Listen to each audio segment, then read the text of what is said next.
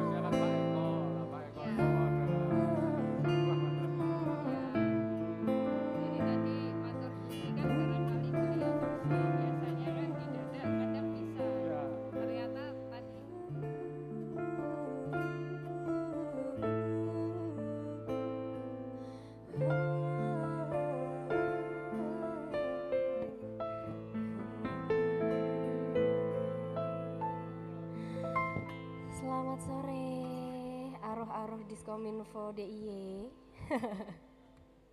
lagu pembuka pertama Dialova. Ini masih lanjut ada satu lagu lagi untuk perempuan dalam pelukan. Payung Teduh.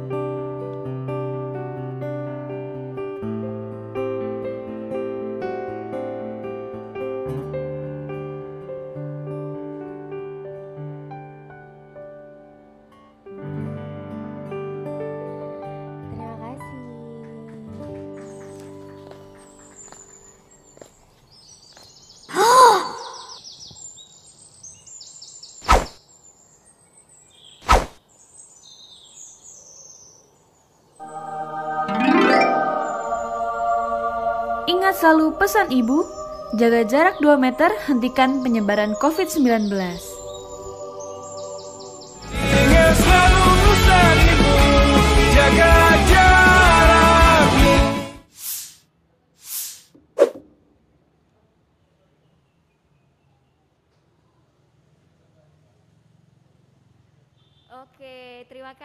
Nabila Maharani dan teman-teman yang sudah membawakan dua lagu yang syahdu yang sepertinya cocok sekali untuk menemani kita semua di suasana Jogja yang cukup mendung dan sedikit gerimis ini.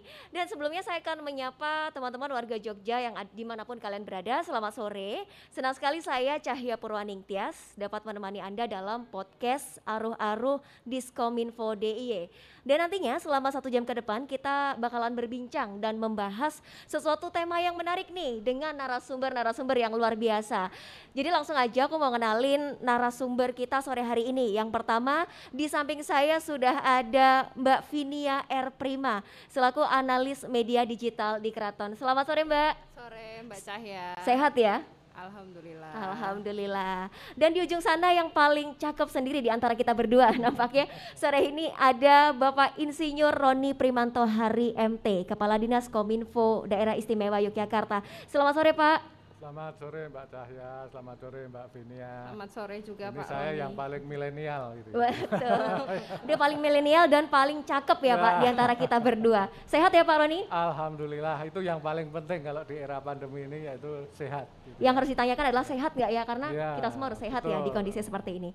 Baik, dan ini dia kedua narasumber kita yang nantinya akan saya ajak membahas tema yang menarik sore hari ini, yakni kreativitas tanpa batas di era digital selama satu jam ke depan nanti. Dan teman-teman mungkin yang mau bergabung untuk memberi pertanyaan bisa langsung gabung di live streaming via YouTube dan juga Instagram Kominfo DIY. Dan teman-teman eh, memasuki era digital ini yang sangat terbuka, memang kita itu dituntut banget untuk memanfaatkan sebaik mungkin dengan terus mengasah kreativitas dan literasi teknologi informasi dan komunikasi atau TIK agar kita semua nggak ketinggalan zaman.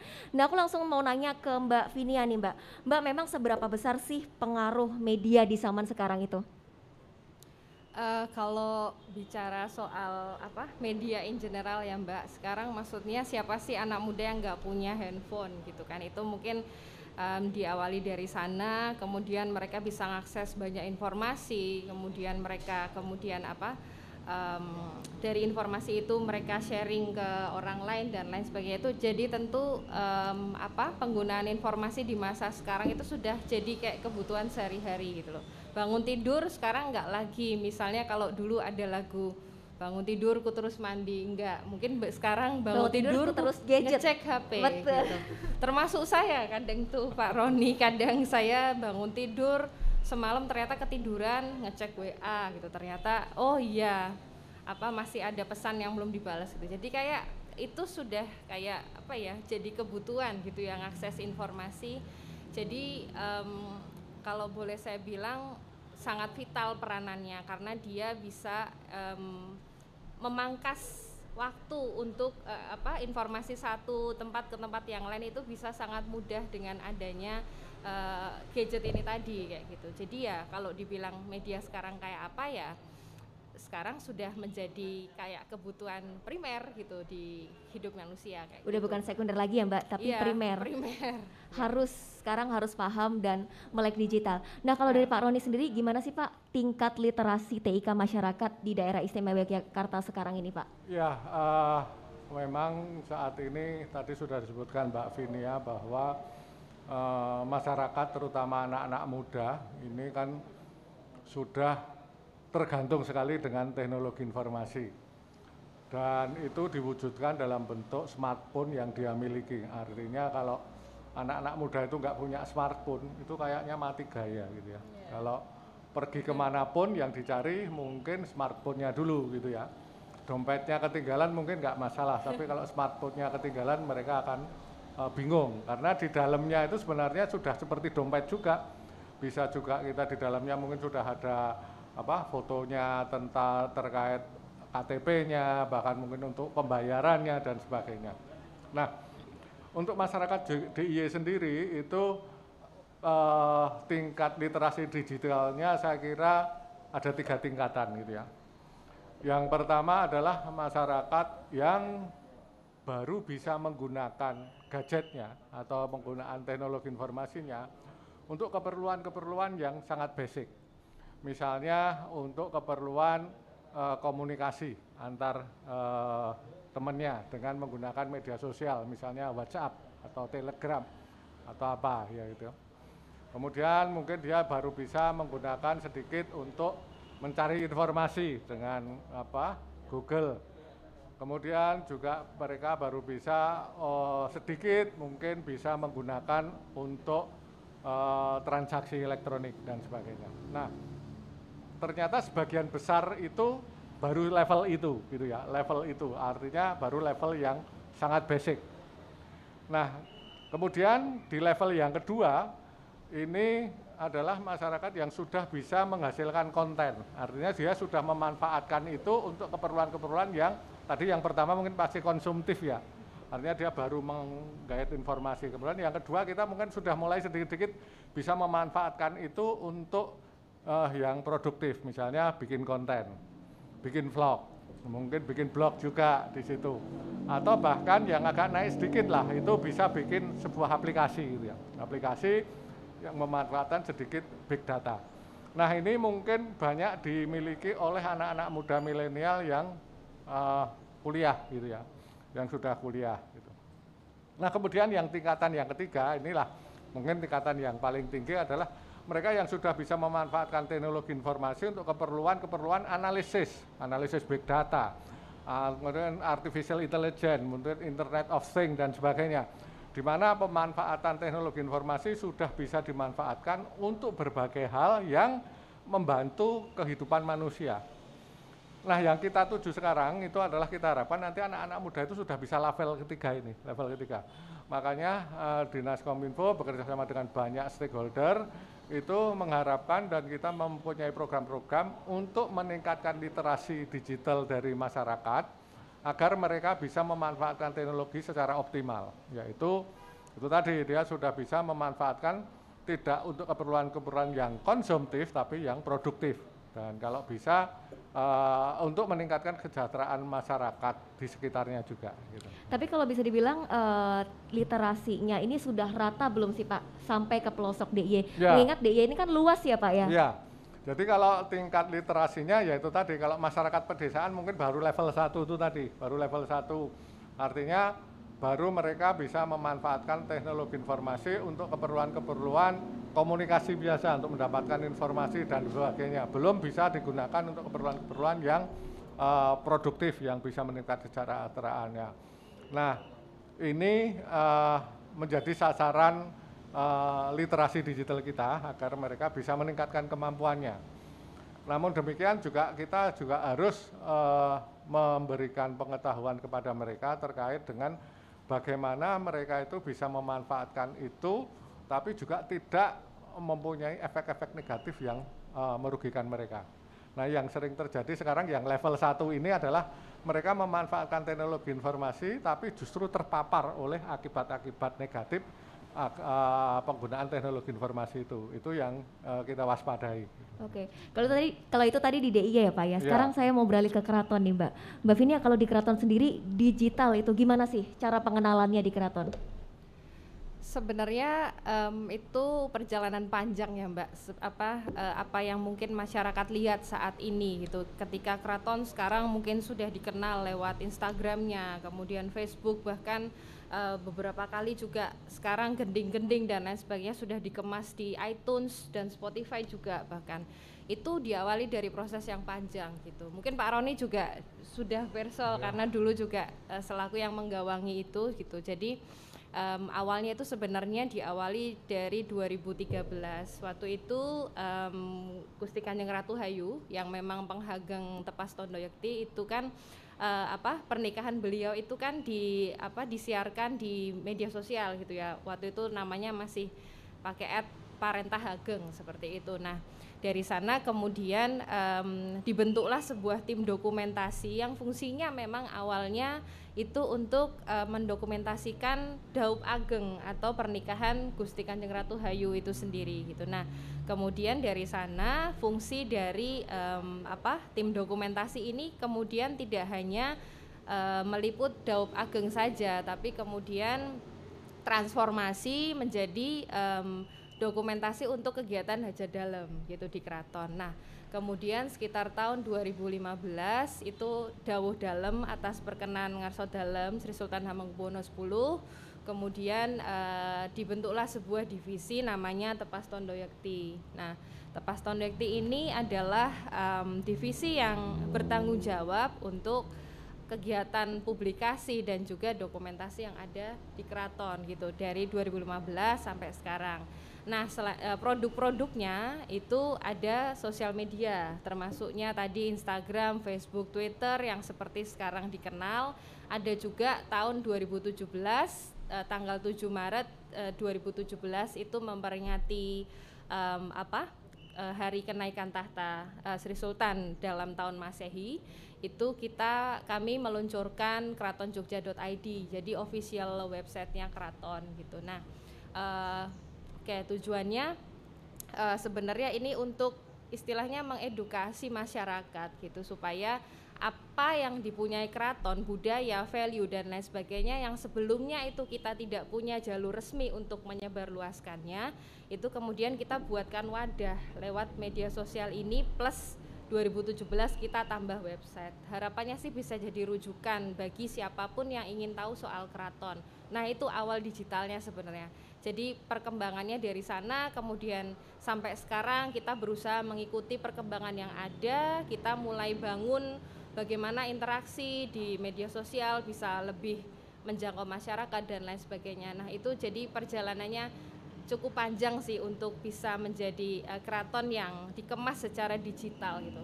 Dan di Bali itu tentunya juga masih banyak em, apa ya bagian-bagian yang masih harus kita eh, tingkatkan lagi gitu performanya gitu Mbak. Oke. Sekilasnya mungkin seperti itu kali ya. Nah kalau tantangan yang dihadapin Mbak Vinia sendiri mungkin Ya. sama teman-teman keraton apa sih Mbak di era digital ini?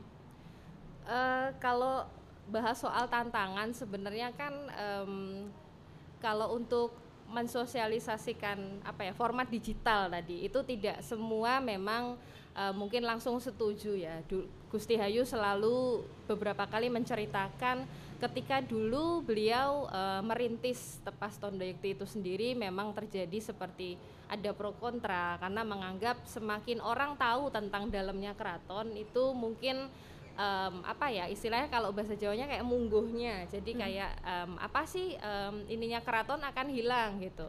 Tapi kemudian em, beliau meyakini bahwa sebenarnya teknologi itu bukan musuh budaya gitu. Tapi bagaimana teknologi ini justru bisa menjadi infrastruktur infrastruktur untuk eh, bisa mendeliver value-nya keraton dengan lebih luas dengan menjangkau masyarakat yang lebih beragam kayak gitu. Jadi memang usahanya cukup berat di awal, tapi lambat laun juga ternyata manfaatnya sekarang sudah cukup bisa dirasakan oleh masyarakat kayak gitu. Oke baik, saya menuju ke Pak Roni. Pak Roni, terus gimana sih Pak cara meningkatkan kemampuan masyarakat nih Pak dari yang sebelumnya cuman sekedar tahu tentang informasi tapi jadi paham Pak sama informasi. Untuk menang, eh, biar masyarakat itu bisa menangkal mana yang hoax, mana yang eh, beneran. Karena eh, sekarang ya Pak di era pandemi hoax itu lagi banyak-banyaknya nih. Ya, ya memang eh, salah satu yang menjadi penghambat eh, penanganan COVID di Indonesia ini salah satunya adalah banyaknya hoax terkait COVID-19 ini ya. Menurut data yang dihimpun oleh Kominfo, Kementerian Kominfo, mulai dari Maret 2020 sampai dengan Mei 2021 itu sudah lebih dari eh, 2.600 hoax yang berhasil dideteksi oleh Kementerian Kominfo. Nah dari 2.600 itu eh, 609 kurang lebih itu sejak Januari kemarin muncul berita hoax terkait vaksin. Nah, kalau kita lihat uh, perkembangannya seperti itu, itu dari sekian dari 2.600 itu tadi, itu ternyata paling banyak itu hoax itu tersebar tersebar melalui Facebook. Uh, itu sekitar 2.100-an. Kemudian yang kedua hoaxnya tersebar melalui Twitter. Dan yang ketiga melalui Instagram dan yang terakhir melalui YouTube. Nah, berarti kalau itu dilihat dari situ bahwa penggunaan Facebook ternyata masih menarik minat para pembuat hoax. Ya, pembuat hoax itu ternyata masih uh, memanfaatkan Facebook yang penggemarnya juga ternyata sekarang makin banyak gitu ya dan bentuknya macam-macam bisa berbentuk link, bisa berbentuk gambar, bisa berbentuk video dan sebagainya tadi sudah diperlihatkan. Nah, uh, tantangan terbesar yang kita hadapi ketika kita ingin me, apa, mendidik masyarakat itu adalah bahwa saat ini masyarakat itu masih banyak yang uh, apa mempunyai pengetahuan yang sangat minim terkait dengan literasi digital, pemanfaatan teknologi digital. Jadi bagaimana algoritma dari sebuah media sosial, bagaimana algoritma dari sebuah apa Facebook gitu ya. Karena kalau di Facebook itu kan kalau kita nge-like itu nanti apa yang kita like akan muncul. Terus itu muncul di wall kita gitu ya. Kalau yang di like itu sesuatu yang jelek, maka itu akan muncul terus. Jadi kita nge-like misalnya berita hoax atau berita apa, berita ujaran kebencian itu biasanya akan muncul. Nah, itulah yang harus kita hadapi ketika kita ingin meliterasi masyarakat terhadap itu. Jadi di samping karena memang ada lompatan teknologi yang tadinya masyarakat itu mungkin dalam berkomunikasi itu susah, ketika orang ingin mendapat langganan telepon aja susah waktu itu, tiba-tiba tahun 90-an, tahun 2000-an itu orang bisa membeli handphone dan saat ini handphone sudah bisa dibeli dengan harga yang sangat murah dengan kemampuan yang cukup, cukup baik. Namun tidak diikuti dengan kemampuan untuk memanfaatkan itu untuk keperluan yang produktif. Nah ini menjadi salah satu tantangan kita. Oleh karena itu kita uh, banyak mengadakan kegiatan-kegiatan untuk pertama itu kita masih di level satu. Kita kegiatan kita baru e, mendidik mereka untuk bisa memanfaatkan teknologi informasi itu dengan baik dan benar dulu. Bukan untuk keperluan-keperluan yang produktif. Nanti dulu kita e, mereka bisa beri, bijak bermedia sosial lah misalnya paham gitu. Ya, Pak, ya, ya. paham Memahamkan bahwa bagaimana media sosial itu bekerja, bagaimana e, apa teknologi informasi itu dimanfaatkan dan sebagainya. Nanti kalau setelah itu baru kita uh, akan mendidik mereka untuk bisa membuat konten-konten. Nah, yang terjadi sekarang masih seperti itu. Jadi masih kita berusaha untuk karena memang mayoritas masyarakat Jogja masih di level seperti itu. Kita mengharapkan mereka untuk bijak bermedia sosial dulu gitu. Tantangan yang utama itu. Baru nanti kita mendidik dan itu yang terakhir mungkin uh, menjadi tugas dari perguruan tinggi agar mereka bisa menghasilkan lulusan-lulusan yang bisa memanfaatkan teknologi informasi untuk keperluan-keperluan yang smart, benar-benar smart. Jadi artificial intelligence, internet of things, big data dan sebagainya. Oke, baik. Nah, Mbak Vini kalau tadi Pak Roni bilang ternyata masih ada beberapa masyarakat yang belum paham Enggak. penggunaan uh, tentang penggunaan sosial media sehingga masih banyak tersebarnya hoax. Nah, kalau dari Mbak Vini sendiri bagaimana sih strategi media yang diterapkan di keraton itu, Pak? Kalau kaitannya sama hoax sebenarnya juga um, hampir sama ya mungkin sama institusi lainnya. Apalagi Pak Roni di Kominfo pasti kan banyak banget laporan tiap hari yeah. hoax dan lain sebagainya. Begitu juga sebenarnya mungkin yang terjadi di keraton gitu. Jadi um, beberapa kali memang ada istilahnya ada semacam apa ya berita atau informasi yang kurang tepat gitu soal keraton ya. Cara menanggulanginya sebenarnya kita mencoba memetakan potensi resiko dari misalnya kalau kita mau nanti ada hajat dalam itu apa aja sih yang perlu masyarakat ketahui soal itu? Misalnya lagi nanti ketika kita mau menggelar uh, agenda tertentu yang non hajat dalam itu kita memetakan dulu kira-kira nanti hal-hal um, apa sih yang perlu kita uh, persiapkan supaya uh, masyarakat tidak salah uh, apa persepsi gitu. Jadi kita announce dulu, kita berusaha announce dulu lewat seperti uh, rilis atau mungkin kita bikin dulu materi publikasinya jadi supaya tujuannya masyarakat itu bisa aware gitu lebih aware lebih dulu terinformasikan lebih dulu sehingga setidaknya itu meminimalisir dari uh, hoax yang nanti bakalan terjadi gitu mbak biasa Oke mbak. Kalau selain dari hoax tadi, kan ini Ah. juga uh, keraton ini terkait dengan budaya ya mbak ya. Ya. Nah caranya keraton sendiri untuk bertahan di tengah uh, apa namanya masifnya arus informasi budaya Barat, budaya mana pun sudah masuk nih ke Ya. Yogyakarta. Ya, mengutip em, pernyataan Ngarso Dalem yang sering kali ditekankan sama eh, penghageng TTY Gusti Hayu itu selalu mengatakan bahwa modernisasi itu bukan westernisasi gitu. Jadi em, bagaimana walaupun budaya itu mungkin kemasan kemasannya digital, bentuknya modern itu tapi bukan berarti bahwa kemudian itu berubah bentuk jadi westernisasi gitu. Tapi justru budaya itu akan semakin mudah diterima oleh masyarakat karena mungkin eh, format penyampaiannya itu lebih apa ya mungkin dikemas kekinian tanpa menghilangkan esensi atau filosofi dari budayanya itu sendiri gitu. Nah sebenarnya itu yang perlu eh, yang selama ini mungkin kami juga eh, selalu tekankan kita selalu beri edukasi ketika misalnya ada tarian kemudian kita kan di pandemi ini biasanya tarian yang tadinya di, boleh disaksikan offline dan banyak yang datang sekarang harus berubah format jadi harus mungkin tapping dulu kemudian siarannya nanti em, streaming kayak gitu. Nah itu juga sebenarnya salah satu cara kami untuk tetap mempertahankan bahwa kesenian ini terus jalan tapi format penyajiannya kita ubah yang tadinya itu offline kita kemudian fasilitasi dengan daring gitu kayak gitu. Jadi format penyajiannya aja yang mungkin menjadi modern, tapi tidak berarti filosofi tarinya kemudian hilang. Berubah ya, ya, Mbak? ya. Tidak Nah, merubah filosofi, hanya merubah bagaimana cara menyajikan ke masyarakatnya Ya. dari yang sebelumnya offline menjadi sekarang online, atau Online. daring ya. Ya, Oke. ya. Baik teman-teman kita akan lanjutkan obrolan kita lagi, tapi sebelumnya kita akan saksikan penampilan dari Nabila Maharani dan teman-teman.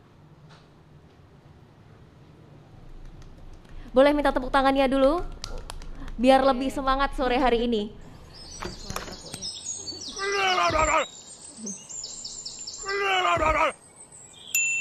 Oh, Tengah lima, ya. eh, eh, eh, Ingat selalu pesan ibu, selalu menggunakan masker hentikan penyebaran COVID-19. Ingat pesan Pakai maskermu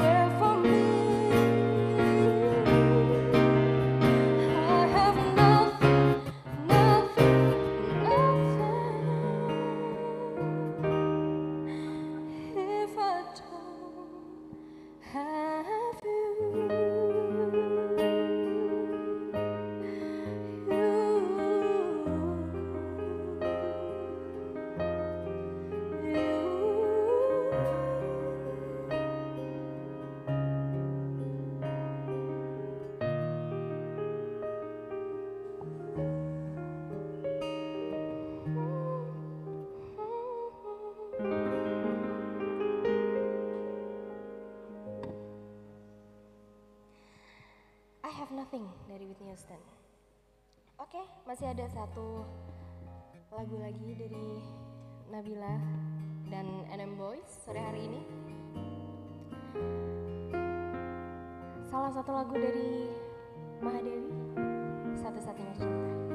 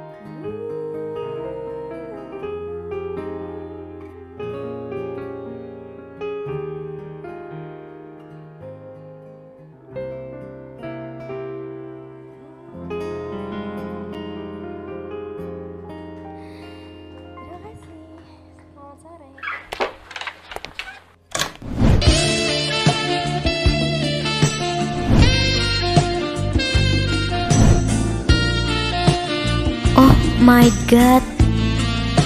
Oh no. Hmm. Eh, eh, eh, mas, maskernya dipakai dulu. Hehehe. Sini mas, sini mas. Aku kasih masker. Iya mbak. Hmm, aku kira mereka terpesona. Terpesona. Aku. Nah, Mas, selain memakai masker, kita juga harus taat terhadap protokol kesehatan yang lainnya, seperti mencuci tangan dengan sabun dan air, menjaga jarak, dan juga mengurangi mobilitas dan menghindari kerumunan. Bersama lawan COVID-19, Jogja bisa. Jogja Eling lan waspodo.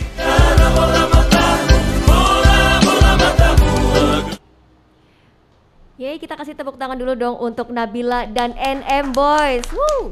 Tadi sudah membawakan dua lagu yang cukup syahdu juga dan menemani kita di sore hari ini yang cukup mendung dan tadi gerimis sudah gak gerimis lagi hari ini.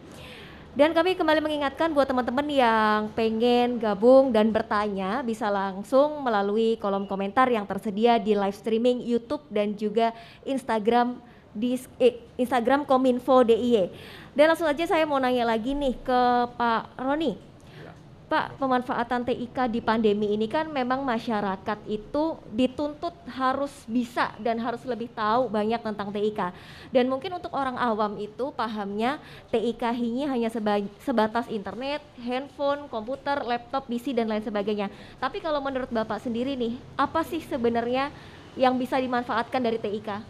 Ya, eh, memang eh, tingkatan tadi sudah saya sebutkan ya, tingkatan pe- eh, apa literasi digital dari pengguna teknologi informasi di Indonesia itu atau di Yogyakarta pada khususnya ini eh, saat ini baru di level 1 di mana dia baru bisa memanfaatkan teknologi informasi untuk keperluan komunikasi, kemudian mencari informasi, kemudian sedikit transaksi dan sebagainya. Sehingga eh, justru eh, banyak masyarakat ini eh, malah menghabiskan kuota atau menghabiskan eh, sumber daya atau sumber dananya hanya untuk mencari informasi. Padahal eh, teknologi informasi itu bisa dimanfaatkan untuk hal-hal yang lebih dari itu dengan inovasi dan eh, kreativitas kita mengharapkan bahwa eh, para pengguna ini bisa menggunakan teknologi informasi untuk keperluan-keperluan yang produktif tidak konsumtif sehingga eh, bisa meningkatkan kemampuan atau eh, meningkatkan kesejahteraannya.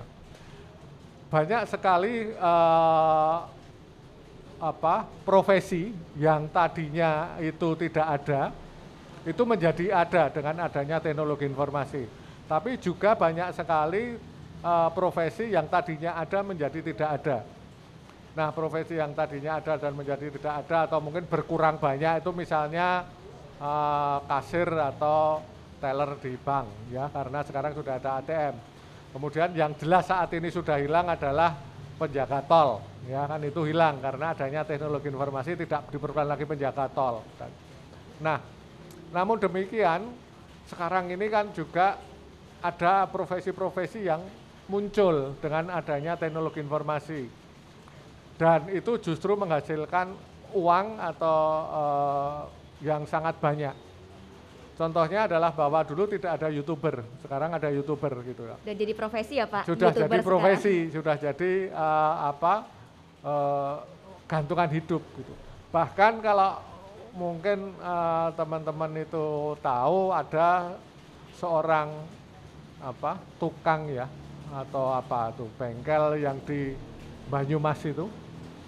Dia hanya bengkel tapi dia membi- jadi konten kreator jadi youtuber untuk menjadi tutor atau membuat eh, konten terkait tutorial memperbaiki motor misalnya gitu. Ternyata dia itu cerita dia bisa menghasilkan uang rata-rata sekitar 10 juta per bulan dari membuat seperti itu. Nah ini kan suatu profesi yang baru yang harusnya bisa digunakan oleh masyarakat untuk meningkatkan eh, perekonomiannya. Kuncinya adalah di inovasi dan kreatif. gitu. Kuncinya ada di sana. Belum lagi konten kreator konten kreator yang lain. Bahkan sekarang kalau TikTok itu kan dulu orang hanya melihat TikTok orang joget-joget gitu ya. Tapi ternyata, ternyata yang banyak ditonton selain dari joget-joget itu adalah tutorial. Tutorial apa pun di TikTok itu banyak di, di, dilihat atau banyak yang dilihat oleh masyarakat. Tutorial memasak, tutorial apa, mungkin bahkan ada tutorial melipat baju, ya kan? Jangan lupa Pak, informasi diskon kalau Nah, perempuan-perempuan. kalau Betul sekali Mbak Vini? Ya. Dan eh, mungkin kalau cewek-cewek lebih gampang ya tutorial apa make up. Nah, itu itu kan sebenarnya adalah konten-konten yang bisa kita kreasikan untuk eh, menghasilkan sesuatu. Memang yang tapi juga eh, harapan kita itu adalah membuat konten yang pertama yang mendidik. Itu yang kita harapkan. Konten yang mencerahkan, konten yang menambah semangat. Ya, ada juga memang yang sekarang jadi hoax itu konten yang bikin orang jadi apa benci, orang yang bikin jadi marah, orang yang bikin jadi apa eh, eh, apa mungkin bahkan intoleransi dan sebagainya memang banyak. Tapi yang kita harapkan adalah silahkan bikin konten-konten seperti itu. Nah kemudian lagi ada profesi-profesi di mana yang tadinya nggak ada dan itu bisa dilaksanakan oleh orang tidak harus keluar rumah di dalam rumah apalagi di era pandemi seperti ini Betul. misalnya eh, ada kalau di Jogja ini kan ada nih ada banyak perusahaan-perusahaan berbasis IT yang banyak beroperasi di Jogja.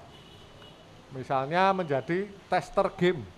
Nah, kan nggak tahu dulu itu orang main game hanya untuk kesenangan tapi sekarang bisa main game untuk ngetes sebuah game itu menarik apa tidak dan itu menghasilkan duit. Nah profesi-profesi seperti itu sekarang mulai muncul. Nah itu tadi. Kita mengharapkan memang di era teknologi informasi ini kreativitas dan inovasi menjadi kunci keberhasilan itu yang kita harapkan Nah, Pak, tapi kan di era digital ini kan informasi ini kan nggak ada batasnya ya Pak ya, Iya, nggak ada betul. batasnya, tidak terbatas. Lalu gimana sih Pak cara dari Kominfo sendiri ngawasin Pak biar nantinya TIK ini tidak disalahgunakan oleh orang-orang? Ya, kalau untuk ngawasin kan sebenarnya susah ya. Artinya kalau apalagi di era teknologi informasi ini eh WhatsApp itu per menitnya itu bisa lebih dari ratusan ribu berkembang. Kalau misalnya dari ratusan ribu ada 10% saja yang konten yang negatif, itu sudah berapa ribu per menit itu, ya, itu tersebar. Kemudian Twitter, berapa menit, eh, berapa Twitter cuitan yang muncul ketika eh, di Twitter pada pada waktu eh, dalam satu menit. YouTube kontennya berapa banyak per menit. Untuk mengawasi memang tidak mudah dan eh, itu membutuhkan partisipasi untuk seluruh masyarakat agar mereka bisa melaporkan kalau memang menemukan konten-konten yang dirasa merugikan. Jadi eh, kalau Kominfo sendiri bekerja sendiri saya kira nggak mampu. Itu membutuhkan par- pa- apa, partisipasi masyarakat untuk bisa kita bersama-sama saling menjaga seandainya ada hal-hal atau konten-konten atau mungkin aplikasi atau mungkin apa eh, yang lain yang merugikan dan itu yang kita harapkan. Jadi kalau ngawasi jelas kita nggak mampu sendiri. Gitu. Jadi Memang harus- ada di Kementerian Kominfo itu ada apa mesin yang bisa digunakan untuk mencari misalnya berita yang eh, negatif atau ujaran kebencian. Tapi itu tidak membantu karena a- artinya ya itu memang membantu tapi tidak bisa 100% kita bergantung pada mesin. Kita memang harus di samping eh, partisipasi masyarakat juga mengedukasi masyarakat agar dia bisa menyaring sendiri informasi-informasi yang didapat. Bekerja sama ya Pak antar Betul, masyarakat ya. dengan masyarakat Ya. juga. Nah, saya menuju ke Mbak Vini nih. Mbak, tadi kan eh, ternyata teknologi informasi itu bisa berdampak ke tadi sektor ekonomi dan sektor lain. Nah, kalau dari budaya sendiri seberapa efektif sih eh, pemanfaatan TIK ini, Mbak? Kalau dari sisi budaya ini berdasar pengalaman yang ada di Tepas Tondoyekti ya khususnya. Jadi memang selama pandemi khususnya sama sebelum pandemi memang kami belum pernah ada eh, analisis yang memang secara ofisial itu kayak kita benar-benar terukur gitu apakah eh, dengan sebelum pandemi sama setelah pandemi itu itu rame yang mana itu belum pernah terukur. Cuma memang setelah apa-apa yang kita share di media sosial terkait dengan misalnya pertunjukan ataupun hajat dalam dan lain sebagainya itu eh, rata-rata antusiasme masyarakat itu selalu tinggi gitu. Itu terbukti juga dari eh, siap dari jumlah yang menonton kemudian dari komen yang masuk dan lain sebagainya gitu. Artinya memang em, ketika situasi pandemi ini sedang terjadi itu justru eh, kita tidak berhenti untuk terus apa ya melaksanakan kegiatan kesenian tapi tentunya dengan broadcast sesuai dengan eh, peraturan pemerintah gitu. Nah, dari sana kemudian eh, kita mencoba eh, mengkreasikan itu tadi yang seperti saya bilang sebelumnya mengkreasikan apa namanya em, pertunjukan dan lain sebagainya itu dikemas dalam format digital gitu. Nah, harapannya dengan adanya exposure digital ini justru akan memperluas lu- ruang lingkup eh, dari tayangan yang dari apa budaya ataupun eh, hajat dalam mungkin yang kita laksanakan di keraton kayak gitu.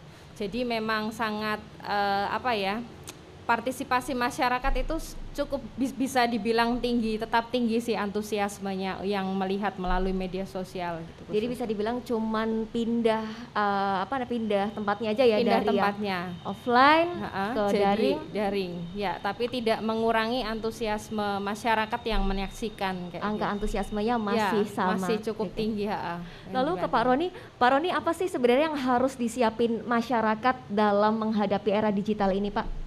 Ya, ya yang jelas harus eh, masyarakat harus eh, terliterasi tentang teknologi digital ini. Bagaimana teknologi digital itu bekerja, bagaimana internet bekerja, bagaimana media sosial itu apa eh, bekerja dan sebagainya sehingga kita bisa memanfaatkan kemampuan-kemampuan yang ada di dalam te- dunia teknologi informasi itu. Jadi sebagai, sebagai contoh tadi eh, bahwa ternyata sekarang eh, masyarakat itu sudah mulai eh, banyak melihat YouTube daripada melihat TV gitu ya, sehingga eh, konten-konten yang ada di YouTube itu sudah menjadi pesaingnya TV, TV-TV konvensional. Nah, oleh karena itu kita harus bi- bisa nih apa pinter-pinternya memanfaatkan YouTube menjadi salah satu media untuk mengekspresikan kemampuan kita, keme- mengekspresikan apa pendapat kita, mengekspresikan mungkin eh, budaya kita menjadi eh, bentuk-bentuk yang bisa diterima oleh masyarakat. Nah, saya mencatat ada satu hal yang luar biasa yang dihasilkan oleh Keraton Yogyakarta ini ketika mereka atau keraton ini mengkreasikan flash mob tari apa itu? Eh, itu apa kapi Nah, itu. Jadi flash mob itu adalah sebuah budaya yang muncul ketika eh, YouTube ada, gitu ya. Di era digital ya, Pak, ya? Ya, Flash mob. digital. Biasanya eh, flash mobnya itu awal-awalnya kan orang yang menari-nari dari budaya-budaya barat. Tapi ternyata flash mobnya keraton itu eh, disambut luar biasa oleh masyarakat.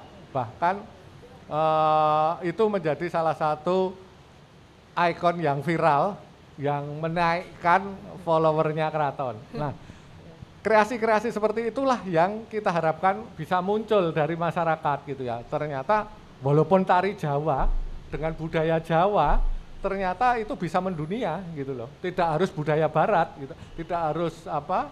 Tidak harus dancing-dancing yang apa gitu ya. Budaya budaya lokal bisa seperti itu. Nah, seperti juga ini pen- penyanyi kita nih Mbak Nabila itu ya. Dia bisa mengkreasikan dengan menyanyikan lagu-lagu bahkan pro apa lagu-lagu ciptaannya dan muncul di YouTube.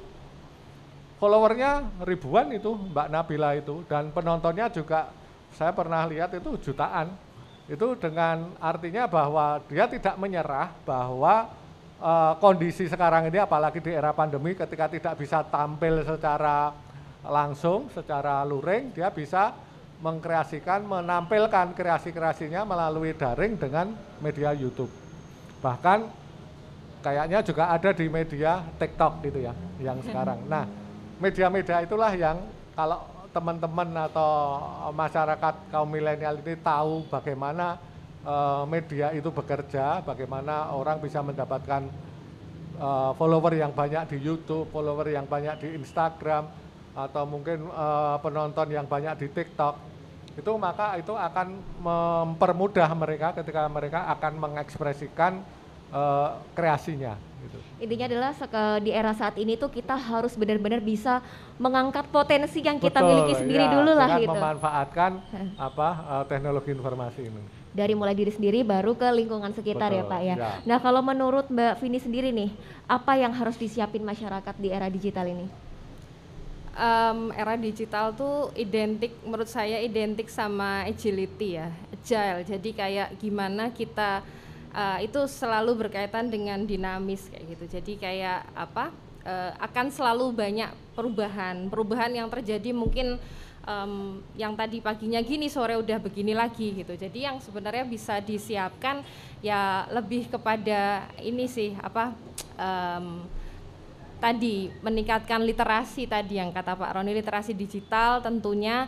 Yang kedua mungkin lebih kepada eh, bagaimana kita lebih bijak menggunakan informasi sih. Itu tetap mungkin terdengar klise seperti kayak sharing dulu sebelum apa eh, saring dulu sebelum sharing kayak gitu. Itu sepertinya itu masih relevan juga untuk di apa diaplikasikan di era sekarang gitu, gitu. jadi harapannya sih dengan perubahan yang terjadi itu nantinya kalau kita juga bergerak dinamis kita nggak seperti kalau bahasa Jawanya gedandapan ya Pak ya untuk eh, apa menerima semua Panik ya, panik ya kalau ada hal baru yang masuk kalau misalnya kita nggak siap kan kita nanti bingung kita harus apa harus ABCD dan se- se- apa dan lain sebagainya. Nah, makanya ketika em, zaman yang berubah, teknologi juga semakin berkembang, nanti juga diikuti dengan agility itu sendiri gitu. Jadi mau nggak mau ya kitanya yang harus menyiapkan diri gitu, karena kita nggak bisa ngerem zaman. Tapi gimana caranya kita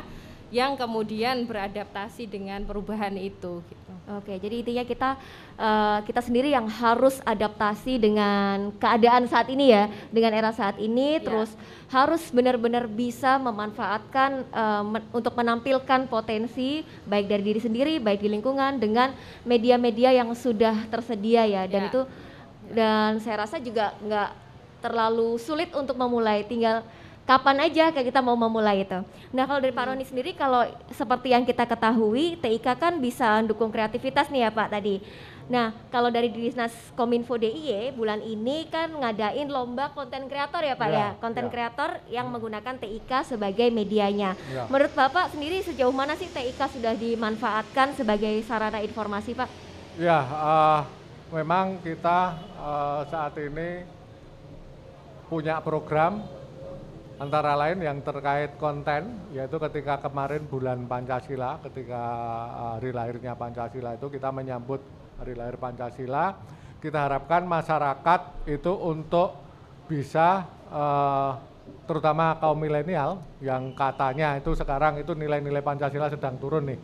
Nah kita coba untuk memancing apa benar mereka nilai-nilai Pancasila turun dengan mengadakan lomba terkait dengan Pancasila. Jadi kita ada lomba konten kreator terkait dengan apa eh, TikTok, YouTube dan blog. Di mana eh, temanya adalah terkait dengan Pancasila, yaitu misalnya terkait dengan gotong royong, bagaimana itu eh, gotong royong bisa ikut membantu melak- me- menanamkan nilai-nilai Pancasila, mengimplementasikan dalam bentuk membantu eh, penanganan COVID-19. Kemudian di samping eh, lomba-lomba terkait konten eh, untuk memancing kreativitas eh, masyarakat atau anak muda membuat konten-konten yang positif, maka kita juga punya kegiatan yang namanya kebun inovasi. Kebun inovasi itu semacam eh, apa? Kita ingin mengajak masyarakat membuat aplikasi terkait smart province atau smart city. Di mana dalam kebun inovasi itu kita mengharapkan masyarakat atau eh, anak-anak muda di Jogja yang potensial ini bisa menghasilkan aplikasi-aplikasi untuk mengatasi permasalahan-permasalahan di eh, di Jogja terkait dengan smart province. Misalnya eh, bagaimana eh, masyarakat bisa menggunakan teknologi informasi untuk eh, apa smart government. Jadi bagaimana nanti eh, ada sebuah aplikasi untuk meningkatkan layanan publik misalnya terkait dengan perizinan atau mungkin juga terkait dengan penanganan lingkungan, penanganan sampah atau terkait dengan penanganan kebencanaan atau lalu lintas dan sebagainya. Nah, eh, kegiatan ini kita laksanakan pada tahun ini dengan eh, harapan kita nanti akan menemukan lima, lima kelompok atau lima inovasi yang nantinya akan kita tawarkan kepada investor supaya nantinya bisa dikembangkan menjadi sebuah aplikasi yang besar seperti aplikasi-aplikasi yang sekarang sudah ada misalnya ada Shopee, ada Gojek, ada Grab dan sebagainya yang nantinya itu berasal dari Jogja. Kalau selama ini mungkin anak-anak Jogja itu sebenarnya banyak yang berkreasi seperti itu. Tapi karena in apa eh, pemodalnya tidak berasal dari Jogja, akhirnya dia diangkat, ditarik keluar Jogja. Nah, kita mengharapkan nanti investornya orang Jogja sendiri deh, dikembangkan di Jogja dan nantinya bisa mendunia, sehingga bisa menghasilkan dampak eh, ekonomi di masyarakat di Yogyakarta. Itu yang Oke, kita harapkan. gitu. Sangat menarik ya Pak. Jadi itu eh, warga Jogja mungkin yang ing- yang tertarik ya, yang ingin Ya. bergabung untuk mengembangkan diri kreativitas di bidang TIK ini Pak Roni sudah ada wadahnya tadi ya Pak ya, Ya, ya. disebutkan tadi. Nah tadi Pak Roni sempat menyinggung tentang lomba yang digelar oleh Diskominfo DIY. Nah sekarang saya sudah punya nama-nama juaranya. Jadi kemarin sudah ada lomba memperingati bulan Pancasila Diskominfo DIY, ada lomba blog, eh, konten TikTok, konten video kreatif, dan program Sinau Pancasila. Nah, kegiatan lomba ini dilaksanakan dalam rangka memperingati bulan Pancasila dan membawa tema besar keistimewaan Pancasila, yakni toleransi, berbagi, dan gotong royong. Lomba TikTok eh, dengan membawa tema indahnya toleransi dan konten kreatif video membawa tema semangat berbagi menuju Indonesia tangguh. Terakhir lomba penulisan blog yang membawa tema bangkit melawan pandemi dengan gotong royong dan dengan adanya lomba-lomba ini diharapkan masyarakat Indonesia bisa meng- dapat menghadapi serta menjawab tantangan perkembangan zaman saat ini. Dan langsung saja saya umumkan nih, yang pertama ada lomba kategori blog. Juara satu, selamat kepada siapa Seisa Maisura. Kita kasih tepuk tangan dulu. Dan juara kedua ada Nur Halimah. Selamat Nur Halimah. Dan di juara ketiga ada Pungwan Huta Galung. Oke. Dan ini dia tiga pemenang dari kategori blog. Dan selanjutnya yakni pemenang dari kategori video. Yang pertama ada Tibu Ruhani Juar. Yang kedua selamat kepada M Aziz Al Hakim. Oh. Dan yang terakhir di juara ketiga ada Mustafa Bisri. Selamat kepada para pemenang untuk kategori video. Dan selanjutnya ini kategori yang lagi viral nih, kategori TikTok. Ini pasti banyak banget yang ikut ya, kategori TikTok. Yang pertama, juara pertama ada Noval Krisdiantama. Yang kedua ada Aisyah Handa Fadia Anissa.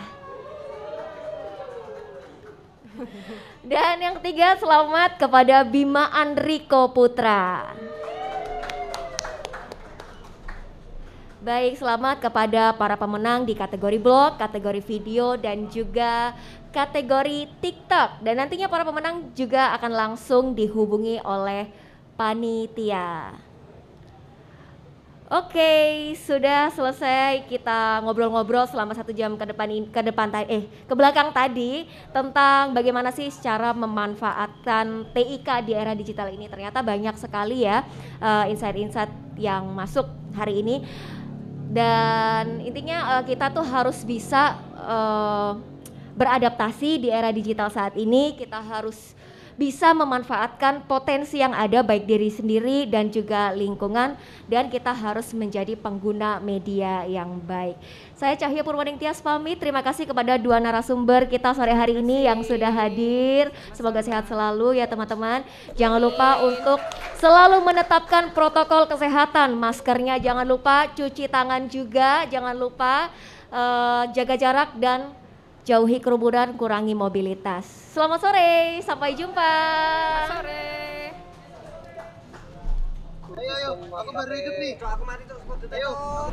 Hmm, ini kan masih masa PTKM, kok mereka masih berkumpul?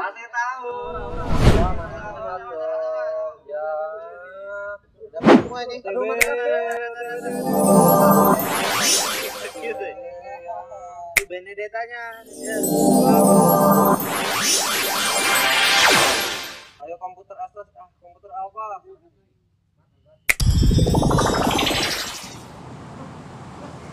Oke Lur, kita mabar di rumah aja. Tapi sebelum kita pulang, kita olahraga dikit dulu biar sehat. Oke.